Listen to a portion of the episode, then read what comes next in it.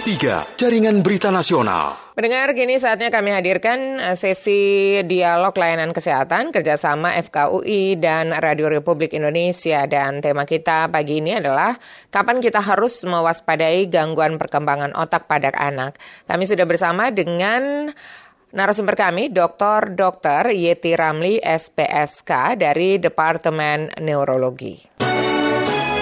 Dialog Kesehatan. Dokter Yeti, selamat pagi. Assalamualaikum. Waalaikumsalam, selamat pagi Mbak. Bagaimana kabar? Sehat? Alhamdulillah. Sehat ya, oke. Okay. Iya. Dokter Yeti, eh, kita ngobrol tentang uh, gangguan perkembangan otak pada anak. Ada berapa jenis sih gangguan perkembangan otak yang bisa dialami anak-anak, dok Yeti? Iya, baik. Jadi gangguan perkembangan otak pada anak itu bisa terjadi dimulai dari sejak dalam kehamilan, mm-hmm. kemudian pada saat anak itu lahir, atau pada saat setelah dia lahir, jadi selama masa perkembang uh, tumbuh kembangnya. Gitu. Mm-hmm. Jadi itu semua harus kita perhatikan uh, pada anak-anak yang misalnya dari ibu dengan berisiko tinggi pada saat kehamilannya misalnya ibu dengan punya penyakit darah tinggi, penyakit diabetes, mm-hmm. ya, apalagi kalau seandainya terjadi preeklamsi di mana terjadi tekanan darah yang tinggi pada saat kehamilan dan itu berisiko untuk terjadi kejang mm-hmm. pada ibunya yang mm-hmm. akan mempengaruhi juga ke terhadap si perkembangan anaknya. Nah, kemudian yang pada saat lahir itu banyak juga kondisi-kondisi kesehatan pada ibu maupun bayi yang bisa mempengaruhi nasib perkembangan otak selanjutnya. Hmm. Nah, dan kemudian dalam masa perkembangan berikutnya, nah ini yang bisa terjadi baik itu dampak dari uh, lingkungan, nutrisi maupun hmm. uh, stimulasi uh, yang diberikan uh, keluarga terhadap anak. Mm -hmm. Iya, untuk mengetahui itu apa yang uh, perlu kita lakukan ya, cara untuk mendeteksi gangguan perkembangan otak khususnya ya pada anak dok? Iya baik. Jadi kalau seandainya bayi-bayi yang lahir dari ibu yang beresiko tinggi tadi, mm -hmm. kita harus pantau setiap bulan perkembangan otaknya ya. Hmm. Uh, bagaimana kita memantaunya? Pertama kita lihat uh, dari pertumbuhan dulu. Jadi tumbuh itu uh, tinggi badannya, berat badannya, lingkar kepalanya hmm. ya. Nah, itu kita pantau setiap bulan. Jadi anak yang berisiko tinggi itu harus tiap bulan kita pantau ini ya. Hmm. Apakah nanti tingginya tidak sesuai dengan standar anak normal atau berat badannya tidak sesuai standar normal atau lingkar kepalanya tidak sesuai anak normal. Hmm. Nah, sehingga kita bisa cepat mencegah uh, kalau ini sudah ditemukan ke arah suatu tanda bahaya. Hmm. Hmm. Ya. Iya. Kemudian misalnya dia lahir dengan ada suatu permasalahan, misalnya anak lahir kurang cukup bulan prematur, mm. apalagi kalau disertai kuning yang lama seperti itu, mm. ada kejang atau uh, problem menyusu sehingga berat badannya tidak naik dengan maksimal problem nafsu makan. Nah, hmm. Nah ini yang nanti juga berdampak ke perkembangan otaknya. Hmm, Oke, okay. iya dok. Sebelum kita lanjutkan ya nanti dengan pertanyaan-pertanyaan yang masih terkait dengan topik kita pagi ini, kami izin untuk hmm. menyampaikan informasi berikut ini dok ya. Baik, terima kasih. Kilas Berita.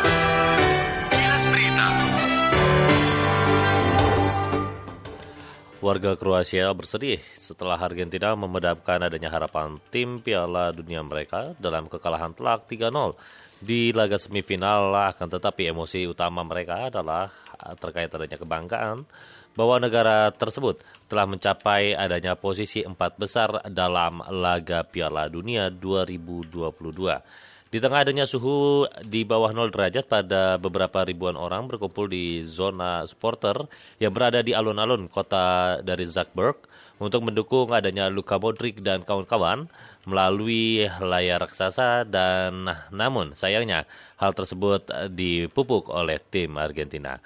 Informasi ini dan informasi lainnya dapat diakses di laman resmi kami rri.co.id.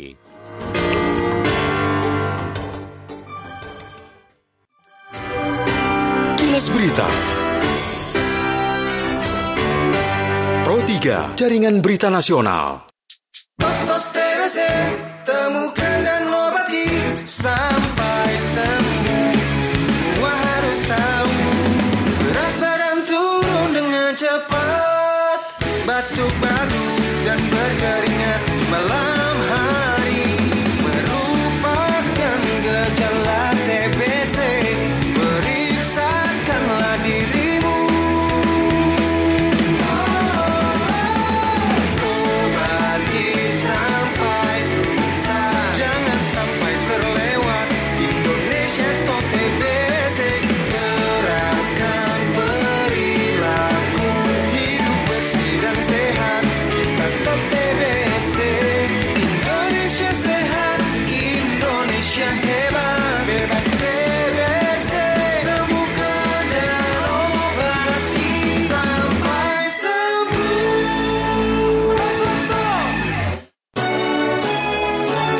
Kesehatan.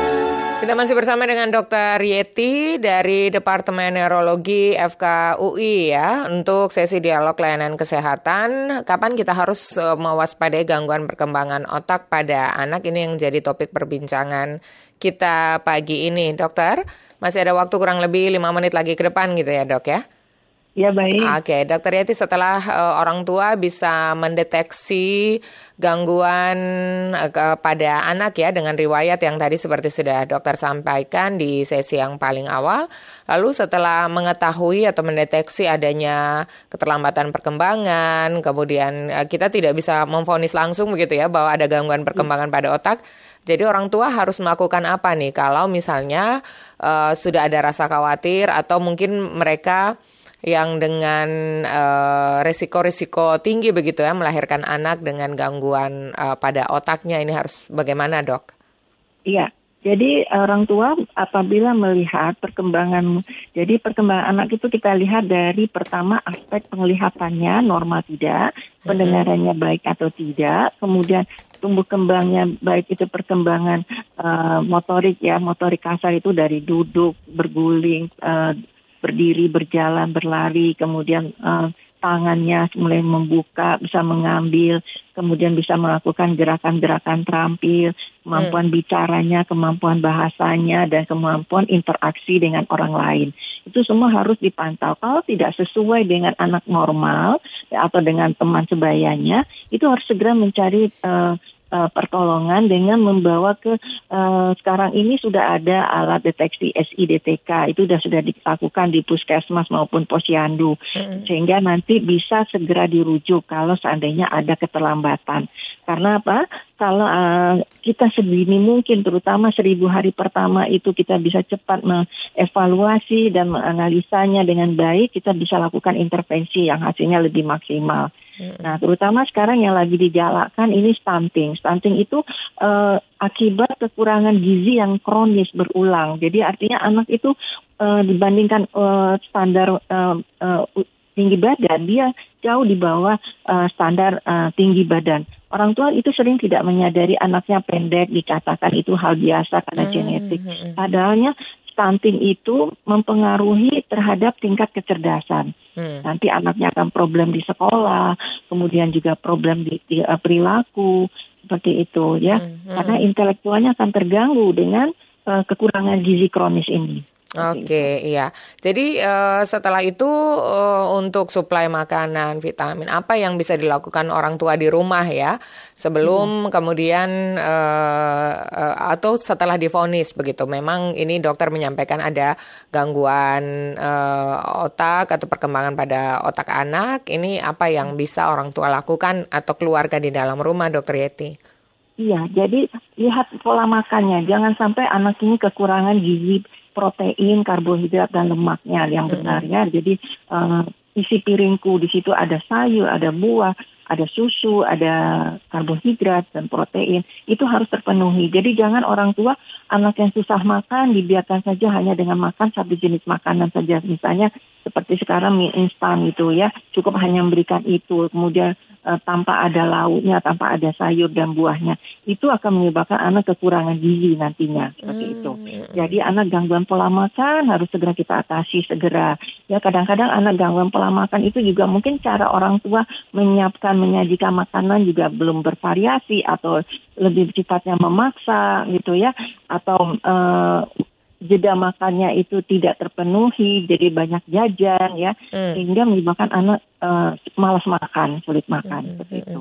Iya. Nah, kalau um, sudah ketemu gangguan itu, ya orang tua bisa dari uh, awal kita hmm. berikan uh, program-program stimulasi yang bisa dikerjakan di rumah. Hmm. Oke. Okay. Ya, yeah. jadi kurangi screen time, screen time ya, hmm. terpapar dengan uh, kebanyakan menonton uh, gadget ataupun televisi. Hmm, itu juga sangat berpengaruh ya dok ya? Betul, betul. Hmm, ya.